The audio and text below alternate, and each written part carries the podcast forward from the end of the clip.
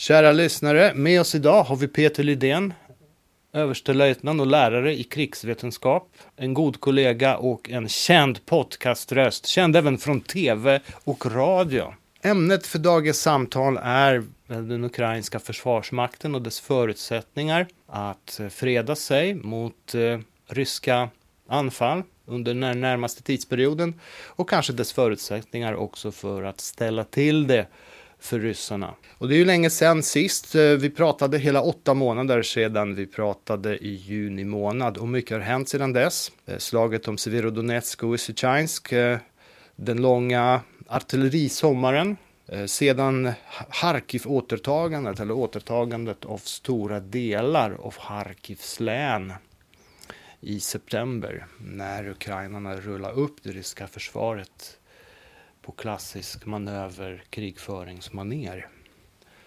Och sedermera fick eh, Ryssland också lämna Cherson-området eller åtminstone dra sig till den östra sidan av floden Dnipro. Och nu har det pågått förberedelser till rysk offensiv och det troliga är att offensiven pågår detta nu. Vi tänker ofta kanske befinner oss i en föreställning där offensiv börjar med, med sin här intensiv förbekämpning när man över ett frontavsnitt om 10 kilometer skjuter iväg så där 30 tåg med, med ammunition och sen kommer förbanden. Men det behöver inte rimligen se ut på detta vis utan det sannolika är ju att det, det rör sig om någon form av ständigt ökande tryck på de ukrainska linjerna och försök att känna efter var motståndet eh, kan tänkas vara svagare genom någon form av massiv stridsspaning. Peter, hur bedömer du, om vi blickar tillbaka över de åtta månader av vår gemensamma tystnad, hur bedömer du de här åtta månaderna som har gått från det ukrainska perspektivet, från den ukrainska försvarsmaktens perspektiv? Precis som du säger så har det varit ju åtta väldigt dynamiska månader som egentligen ju började med, eh, som du mycket riktigt sa då, att, att eh, Ryssland ju tog de sista större samhällen som man lyckades ta då, eh, där Lysychansk var det senaste där. Men man hade ju redan då från ukrainska sidan egentligen, ska säga, vänt tidvattnet på något sätt och det, det utmyntar sig ju sen i slutet på sommaren. Eh, där man ju länge pratade om, och inte minst generalen Kowalczyk själv i syd pratade om att snart kommer offensiven mot Cherson. Men precis som nu så hade den offensiven tror jag inletts långt innan egentligen som väst förstod att den, att den pågick. Eh, för att det är ju, precis som du också så riktigt säger, att det, det är ju inte de här anfallsvågorna mm, spektakulära, utan det, det börjar ofta i mindre skala. Precis som det nu sker, fast från andra hållet. Eh, och så skedde även vid eh, mot Cherson. Eh, det visade sig i efterhand sen att generalen Kowalczyk fick ju inte riktigt den framgång i den rörelsen som Kiev hade velat.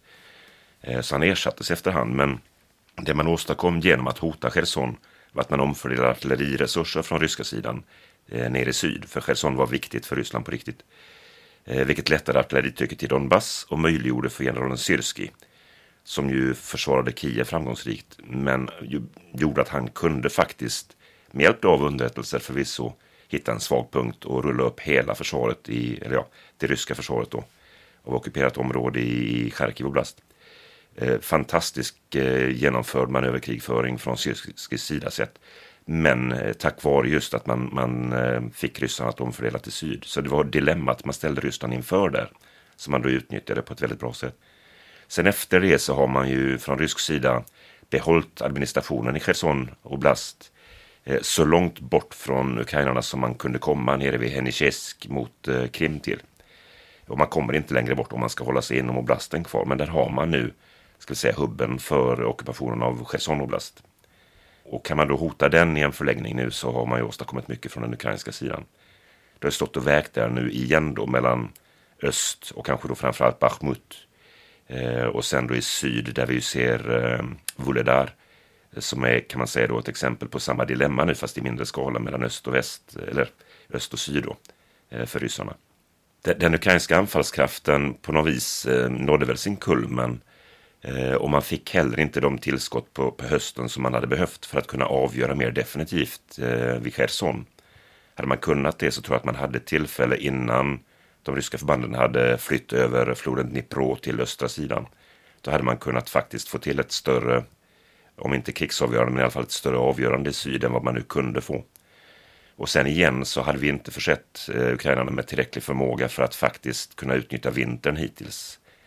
Vilket nu har fått oss att behöva vakna igen sent och förse dem med någon typ av förutsättningar i alla fall för en våroffensiv i bästa fall.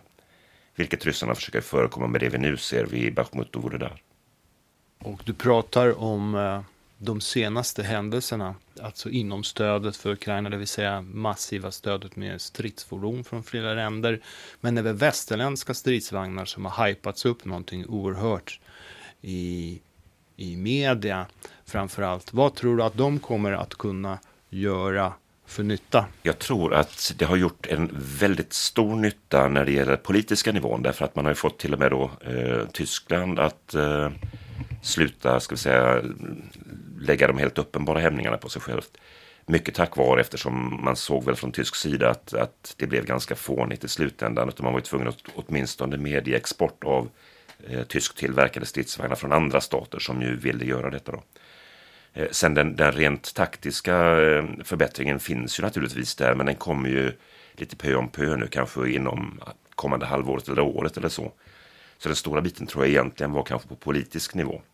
För när man nu gick över gränsen till det som man i tysk debatt kallade att, att förse Ukraina med, ett, med ett eh, ja, invektiven staplades på varandra, men ett offensivt, eh, väldigt farligt förmåga nu med stridsvagnar då då, då dog den debatten ganska snabbt i Tyskland när man frågar sig varför har då tyskarna själva ett så offensivt och elakt eh, offensivt vapen som stridsvagnar då.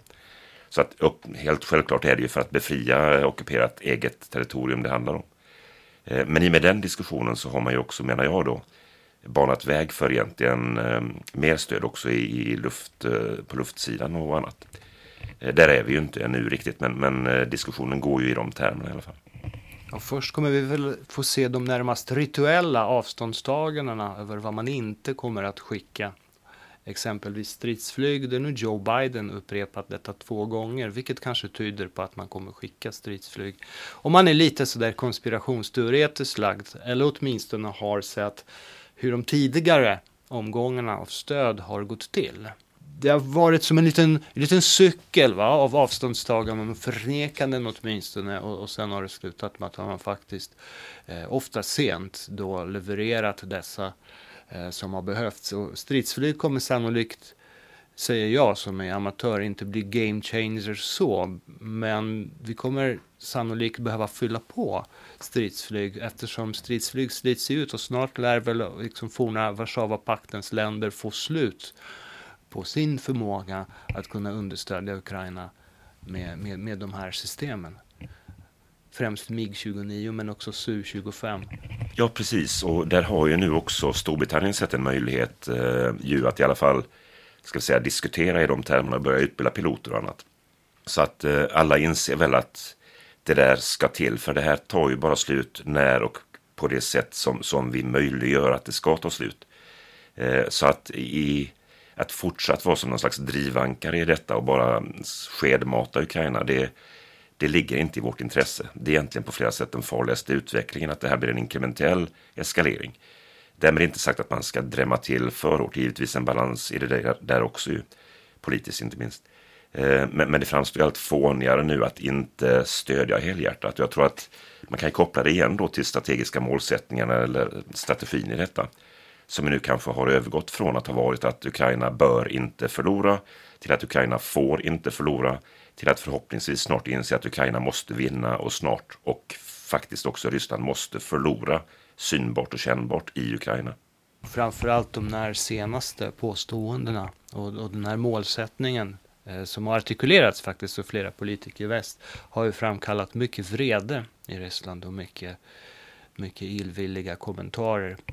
Eh, en intressant sådan är Dmitrij Trenin som är statsvetarprofessor och före detta eh, Eh, överste i underrättelsetjänsterna eh, som skrev en artikel för ett par månader sedan, jag tror att texten publicerades 30 november, där han konstaterade att egentligen så avskräckningspotentialen sinat för att eh, väst har inte reagerat på, på de där massiva Eh, brösttonerna, en antydningarna som har kommit från statsledningen och hangarounds som Dmitrij Medvedev som numera är väl, han är väl vice ordförande för säkerhetsrådet. Eh, utan man har fortsatt sitt stöd och dessutom så har Ryssland framstått som, som en skurk och störare av den internationella ordningen i och med detta i det internationella rummet. Så det finns en tveksamhet där och en viss förtvivlan över att det här fortsätter. För Trenin ska man väl tillägga har ju också varit rådgivare och, och chef för viktig think tank som har rådgivit eh, Kreml. Jag noterar också eh, att det har förekommit en, en eh, omfattande innovation. Innovation brukar ofta följa på i, alltså inom krig. Det är inget historiskt ovanligt, säger jag som har en kurs om militära innovationer eh, Eh, genom historien. Och det här kriget har inte varit något undantag och det verkar så om det är den militärt sett svagare parten som har haft anledning att innovera mest intensivt. Jag tänker på ukrainarna och det här appen eller programmet, jag vet inte vad man ska kalla det för eh, eftersom jag är en lekman i sammanhanget, nämligen Arta för, för plattor och telefoner för målledning av artilleri. Eller säg Palantir Technologies eh, eh, från USA som ju förser US Army med massiv data som numera även jobbar för ukrainska försvarsmakten. De äger väl flera tussin eh, satelliter som är i omlopp hela tiden och skickar massor med data. Den här metadatan och bearbetas av artificiell intelligens då, som, som gör egna då, analyser och kommer med då, olika typer av förslag för hur man ska handla och ger liksom ganska god lägesuppfattning åtminstone från fågelperspektiv. Ursäkta liknelsen. Peter, vad, vad ser du utöver dessa? Det, är ju väldigt bra exempel. Du tar upp den här eh, Gisarta exempelvis. Eh, är ju, kan man enkelt säga, en slags Uber-variant av eldledning. Eh, och uppjackat på rätt sätt så innebär det att man, man kan alltså utan att, att leda hela artilleriinsatser från, från förband och från, från hela bataljoner eller så, så kan man med enstaka pjäser kraftsamla deras eld från olika system mot ett mål som man har lett in då eh, och lägesbestämt med en, en enkel krysspejling från mobiltelefon eller från eh, platta eller vad som helst egentligen. En väldigt enkel i och för sig idé då. Eh, fantastiskt genomfört av en eh, reservofficer i artilleriet i Ukraina redan i krigets inledning här 2014-15. Eh, där lyckades man från, från rysk sida efterhand misstänkliggöra detta att det var ett hackat system. Så att eh, många av oss rapporterade 2016 var det väl att eh, det var röjt det här systemet. Att det var Fancy Bear eh, Eh, gruppen i Ryssland då som hade, eh, hade röjt det då. Eh, vilket gjorde att man tappade förtroendet för det i Ukraina också. det där insåg man efterhand att det var inte sant utan att det faktiskt var fortsatt effektivt. och det insåg också ryssarna så att man försökte faktiskt bland annat ge sig på så att säga, slå undan förutsättningarna för det innan den eskalering som man genomförde för ett år sedan. Då. Eh, men tack vare då Skylink och annat så har ukrainarna efterhand kunnat kompensera för detta, så det används fortfarande systemet. Då. Andra exempel är de här sjödrönarna, som, självmordsdrönarna som man har satt in eh, i Svarta havet då mot, mot nya eh, flaggskeppet där bland annat. Amranen Makarov som, som ju skadades av just den typen av drönare. Då. Någonting också som, som har uppstått eftersom behovet har funnits, man har inte haft förmågan varit tvungen att improvisera och det där är ukrainarna genuint duktiga på. Men allt det här är ju fött av att man har ett behov men inte en förmåga. Alltså får man hitta på lista sätt att nå den förmågan utan kanske att lägga ner miljarder i utvecklingspengar och tid på det. Utan snabbt och här och nu. Eh, och det har man som sagt eh, på flera sätt varit ett föredöme i. Kanske en process som inte är helt olik i fråga om, om de här sjöbaserade drönarna. Eh, ett sätt att åstadkomma en asymmetri som, som säg Iran jobbar med med sina Shahed-drönare och den här typen av material. Ja, exakt så. Och även faktiskt, Suroviken ser inte ut kanske som den mest smidiga och mm, mer ska säga, intellektuellt lagde generalen kanske, men det han gjorde i sin, eh, eh, sin förändring var ju ändå att han anpassade den bristande förmågan hos ryssarna köpte in billiga drönare istället och försökte utnyttja just eh, ukrainska svagheten avseende att kunna skydda, eh, luftvärnsskydda då sitt energisystem. Så ett hänsynslöst ut, utnyttjande ändå, men det var ändå första egentliga, vill jag hävda, anpassningen till eh, bristande förmåga i det ryska och vad man ändå ville komma åt. Då. Det lyckades man ju inte sådär över sig med då, men man har ju fortsatt ändå att markera sig på det sätt man nu kan då genom att eh, terrormässigt bekämpa civilsamhället i Ukraina. Med dålig framgång förvisso, vilket också kanske ligger bakom att han nu har fått en, en överrock i form då av generalen Grasimov som eh, Eh, nu leder eh, invasionen. Ju. Han har ju lyckats med de bitarna, att alltså satsa på det som han hade framgång med i Syrien då, som handlar egentligen om att terrorisera landet. Men den bristande, ska vi säga ändå, framgången plus att Surovikin ju är sen Syrien just en affärsbekant faktiskt med, med eh, Prigozjin, bland annat Wagner-intressena, eh, gör ju att man har från, från de formella strukturerna nu i, i krigsmaktsledningen i Ryssland velat, eh, ska säga, kontra ut detta genom att Gerasimov, generalstabschefen, också nu leder det som man hittills har kallat då en, en eh, specialoperation. Eh, men det blir svårare också att klä det i termer av specialoperation när man nu inte kan se det som någonting som sker med, med vänsterhanden under en annan general. Utan när det leds av generalstabschefen, då är det ju fullt ut krig. Även eh, nominellt så borde man ju faktiskt se för den benämningen på det då, i och med detta. Jag håller faktiskt med helt och hållet. Jag måste nästan säga att jag blev eh, lite, lite uppslupen sådär över utnämningen av Gerasimov eftersom eh, han har ju genom sina skrifter visat stor världsfrånvändhet. Man minns hur, hur alla granskade hans skrifter, hans diverse artiklar eh, i ryska militära tidskrifter eller i Vojenno-Promyslony Kurier, den här konservativa blaskan som gavs ut av försvarskoncernen, alltså krigsindustriella kuriren. Eh, och all, liksom, hans visioner av krigföring som, och hur, hur, den ryska försvarsmakten och armén i synnerhet har tillgodogjort sig med, med alltså nätverksbaserad krigföring. De kunde kom, kombinera det med icke-militära medel och så vidare. Så visade sig bara vara en jäkla soppa utav allting. Eh, men han kan säkert leda en omfattande operation i sovjetisk stil. Ja, det är ju lite det tror jag han nu satsar på att göra då utan att man nödvändigtvis har eh, gett upp försöken att ge sig på Ukrainas energiförsörjningssystem. För det har man ju även, även med lågt räknade siffror så har man ju resurser till kanske ett eller maximalt två sådana större insatser till då. Så det, det lär man kanske genomföra. Men parallellt med det så ser vi nog framför oss en, en mer sovjetisk krigföring. Om man ett tag ägnade sig åt eh, första världskrigsanfall runt Bachmut så kanske det är just den typen av mänskliga vågor man kan mäkta med nu då. Eh, det kommer ju inte heller att ha någon större framgång fast man kan sätta ganska mycket mm, mankraft bakom kanske då. Men intressant i det där är också att eh, Salushny, ukrainska försvarschefen, han är ju väldigt väl, ursäkta, väldigt väl inläst på Gerasimovs skrifter just. Han vet ju vad han står emot så att säga, men, men han har en viss respekt, eh, tycks det ändå, för Gerasimov som tänkare, men bara som tänkare, inte som fältherre. Eh, medan Gerasimov nu har ju ett behov av att visa att han har ändå stått för någon typ av förändring efter Surovikin. Eh, och det är väl det vi kanske då ser i den offensiv som ju pågår redan då. Eh, och som efterhand mm, förmodas växa till sig, men nu vid Bachmut och där då. Jag tror att det är just det du sa, det, det är kanske så man ska se Gerasimov i sammanhanget. Alltså för, först och främst så är han ju chef för hela för hela operationen. Men sen först och främst som just teoretiker, för skriften är ju högst teoretiska, har det visat sig i praktiken.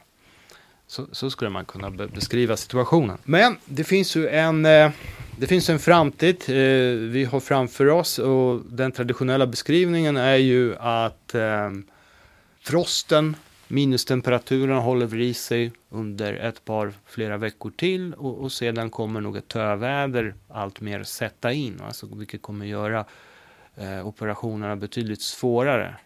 Inte, inte för att vi kanske förväntade oss omfattande manöverkrigföring från den, från den ryska sidan, men, men likväl, det hindrar ju den ukrainska sidan också.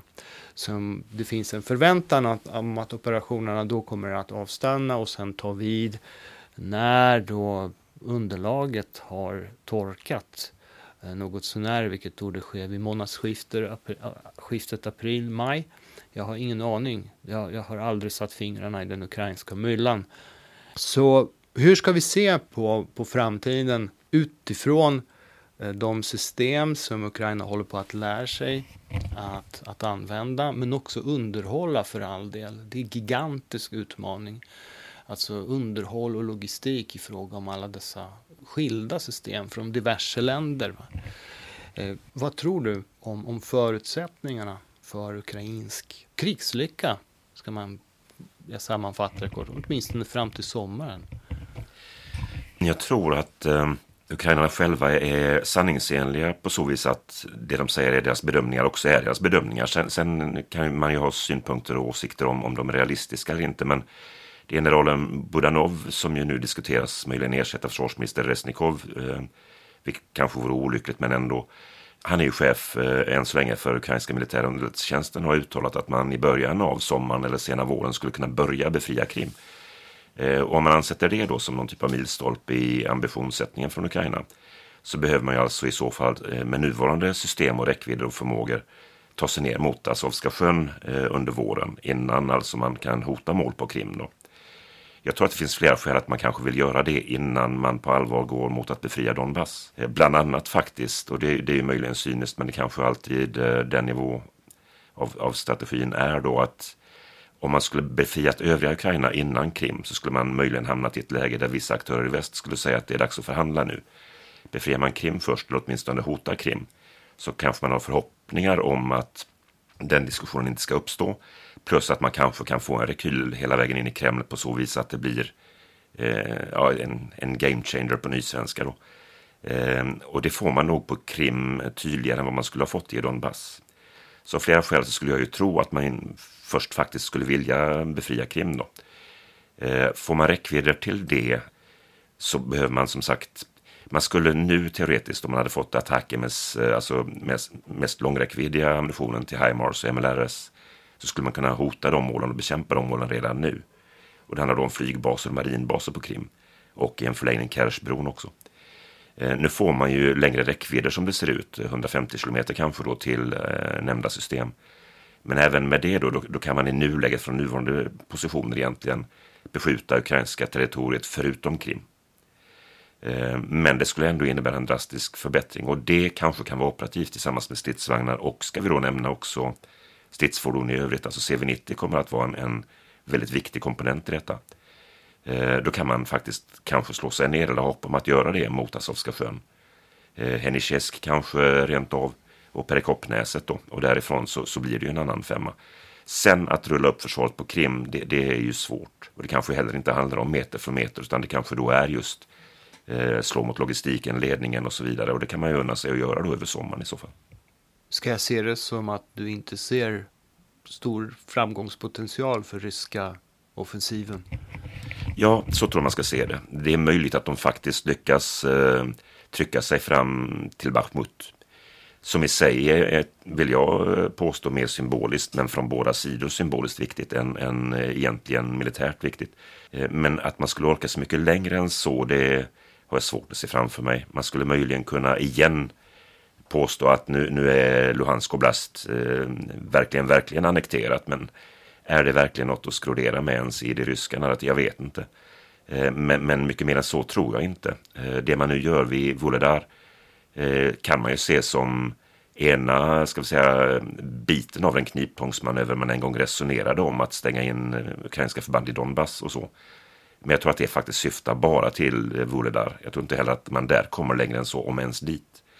Vuhledar är lite mer militär, taktiskt viktigt. Det ligger bra till för att försvara eh, från ömse sidor i och för sig. Men får man till det från ryska sidan innan lersäsongen så kan det vara en sån milstolpe, kanske på taktisk nivå, men inte mer än så.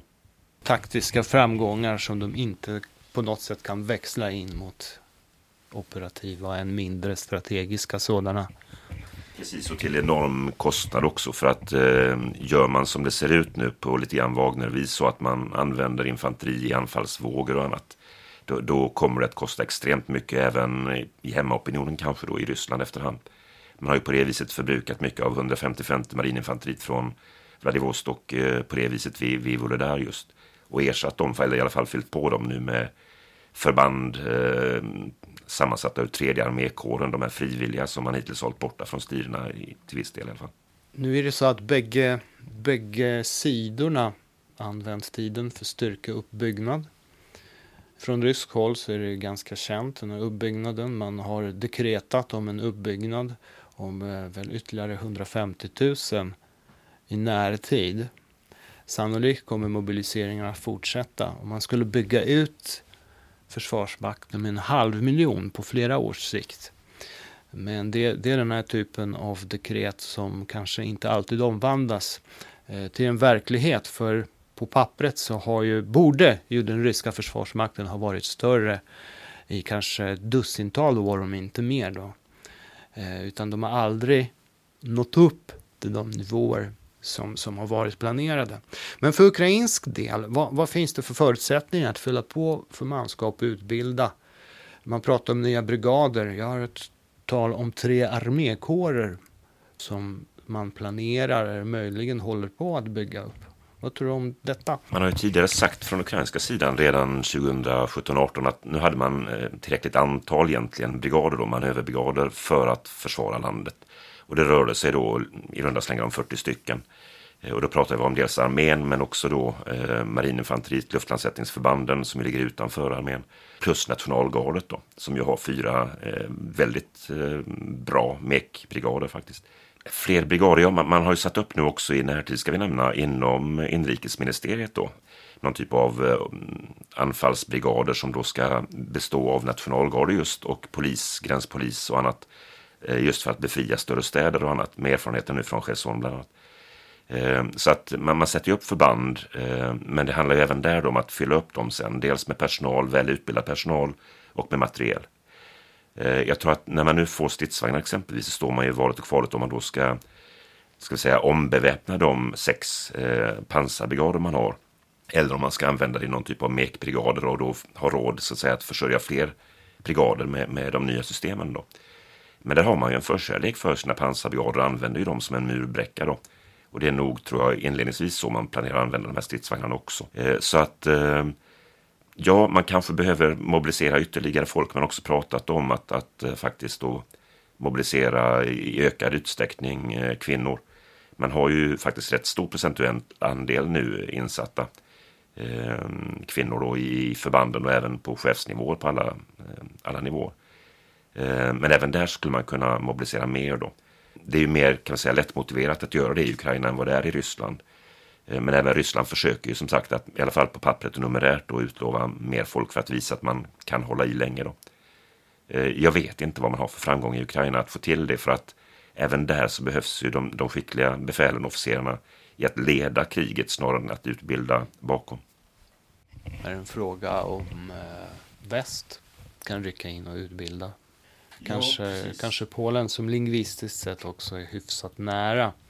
Och angående material så har ju Polen utöver de här Utöver väst, väststridsvagnar, alltså västkonstruktioner, så har ju Polen deklarerat, det är en allmän sanning numera i Polen, att man förbereder dryga hundratalet stridsvagnar. Jag har aldrig sett en siffra mindre än hundra av eh, olika typer av modifierade T72. Upp till den här varianten som kallas för T91 som är kanske den modernaste varianten av T72 som Polen har frambringat, den polska försvarsindustrin. Så att det kommer ett tillskott den vägen också. Den kommer så fort de har fått alla sina Abrams, eller åtminstone tillräckligt många för att känna att de är, de är på den säkra sidan och utbildat på området. Eh, sen finns det ju andra aspekter som faktiskt jag tänkte ta upp. Och du som följer utvecklingen känner säkert till detta också. Det rör ju eh, nämligen eh, någon form av samhällsresiliens men också en förmåga att uppbåda stöd från väst. Och då gäller det inte minst kampen mot korruptionen.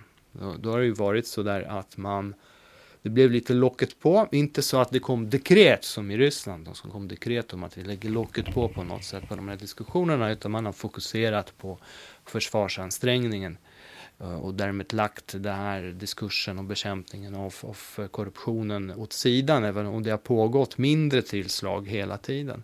Men då uppkom det ju lite skandalösa uppgifter.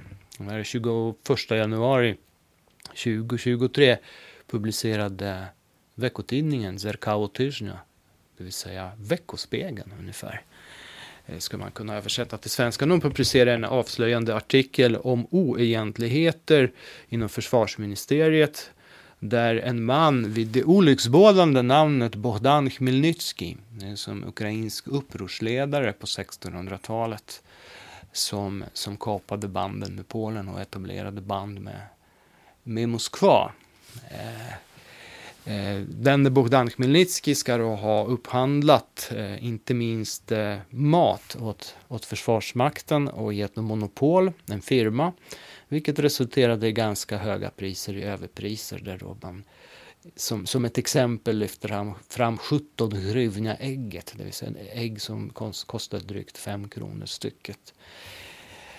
Och denne Chmielnytsky i, i sin tur var en skyddsling till vice försvarsministern.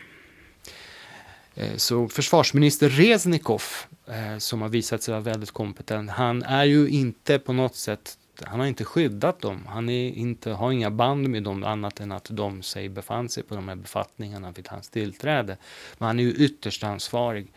Och därför har man ju diskuterat nu också om att ersätta honom med Kirilo Budanov, det vill säga chef för militära underrättelsetjänsten. Men budskapet är ju i alla fall att vi utreder missförhållanden. Vi misshushåller inte med våra pengar och med era pengar som, som ni har skänkt till oss. Eh, man har också uppmärksammat en stor mängd politiker och tjänstemän som kanske levt över sina tillgångar.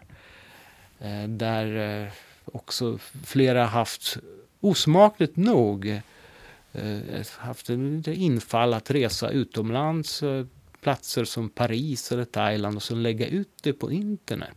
Vilket ju förvånar mig djupt, men så fungerar människan kanske.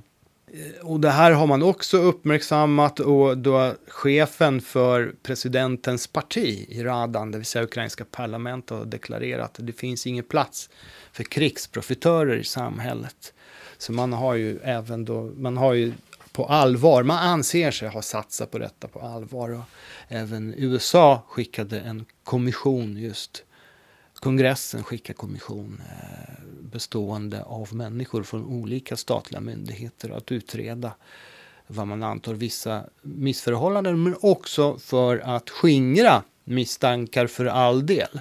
Och för att kunna då uppvisa för kongressen att, att man rättar till missförhållanden alternativt att de inte funnits överallt där man har misstänkt dem just för att bibehålla stöd. Så det, det finns en sån verksamhet som är pågående. Eh, och eh, i och med att vi har 2023 då kommer det också 80-årsdagen av massakern på polacker i Volynien. Och det här kommer ju värmas och stekas och vändas av, av, i de ryska påverkansoperationer. Misstänker jag, det inträffar i juli så vi kan nog räkna med, med att det helt plötsligt avslöjas. Och nu gör jag citationstecken i luften det kommer avslöjas nya dokument då som tyder då på Ukrainas perfidi eh, visar vi polackerna för att just eh, kanske så, kasta grus i maskineriet för relationerna som är extremt viktiga, som är väl, kanske avgörande för närvarande för att hålla Ukraina kvar i kriget med tanke på militära stöd som Polen har lämnat, med tanke på flyktingar som finns i landet och med tanke på eh, transporthubfunktionen som Polen har. Har du någon reflektion kring just den här Eh, utredningarna? Har du hört någonting? Ja, alltså jag håller ju med helt här att det, det, är ju väldigt viktigt att man eh, dels faktiskt gör någonting åt det där och man gör det ju också i termer av eh, förräderi faktiskt som ju korruption då eh, kan betecknas som i det läge som är. Eh, men också ju eh, i termer av förräderi som ju korruption utgör i ett läge som detta. men Eh, Eh, tyvärr så kan det då medföra att Resnikov eh, behöver flyttas och bli minister för någonting annat. Det som talar emot det dock och som kanske också har fått dem att, att eh, i elfte timman ändå tänka till en gång till då. Det är att han är ju den som är insatt i Rammstein-formatet som är extremt viktigt för samordningen av stödet, det militära stödet till Ukraina. Som alltså ligger i ett format utanför NATO. Det är Rammstein-formatet det handlar om. Och där är Resnikov väldigt väl insatt och han skulle då inte platsa där om han var någonting annat än försvarsminister. Eh, så att eh, dels av den anledningen men också för att eh, Resnikov Salushny, försvarschefen och presidenten Zelensky som ju är ÖB då, de är egentligen en, en väldigt lyckad trojka och går väldigt bra ihop. Vilket kanske är första gången eh, någonsin som, som det har varit så lyckosamt eh, rent personkemiskt på den nivån i Ukraina. Eh, så även därför så är nog Resnikov rätt man för jobbet. Då. Sen finns det ju en, en tradition att utkräva ansvar personligen i Ukraina som inte är riktigt kanske det sätt vi gör på i Sverige då på gott och ont. Eh, men eh, det, det, finns väl ändå också tror jag en insikt om att Resnikov kanske gör bäst nytta där han är. Då. Eh, men förtroendet också utifrån som du säger, alltså börjar det förskingras pengar och kommer fram så är ju det någonting som kommer att vevas av ryssarna och redan gör det förstås. Det, det är också det som ligger bakom att man ända sedan 2016 tillsammans med amerikanerna har haft Eh, ska säga, spårning av militära system så att man ska förebygga och förekomma i viss mån de rykten som är att vapen nu sprids över hela världen och kommer att hamna i terroristers händer. Eh, eftersom alla vet att Ukraina är ett rackligt land och inte kan hålla koll på någonting. Eh, det här ryska narrativet då. Men det har man alltså egentligen ska vi säga, motbevisat ganska tydligt från början av kriget. Här.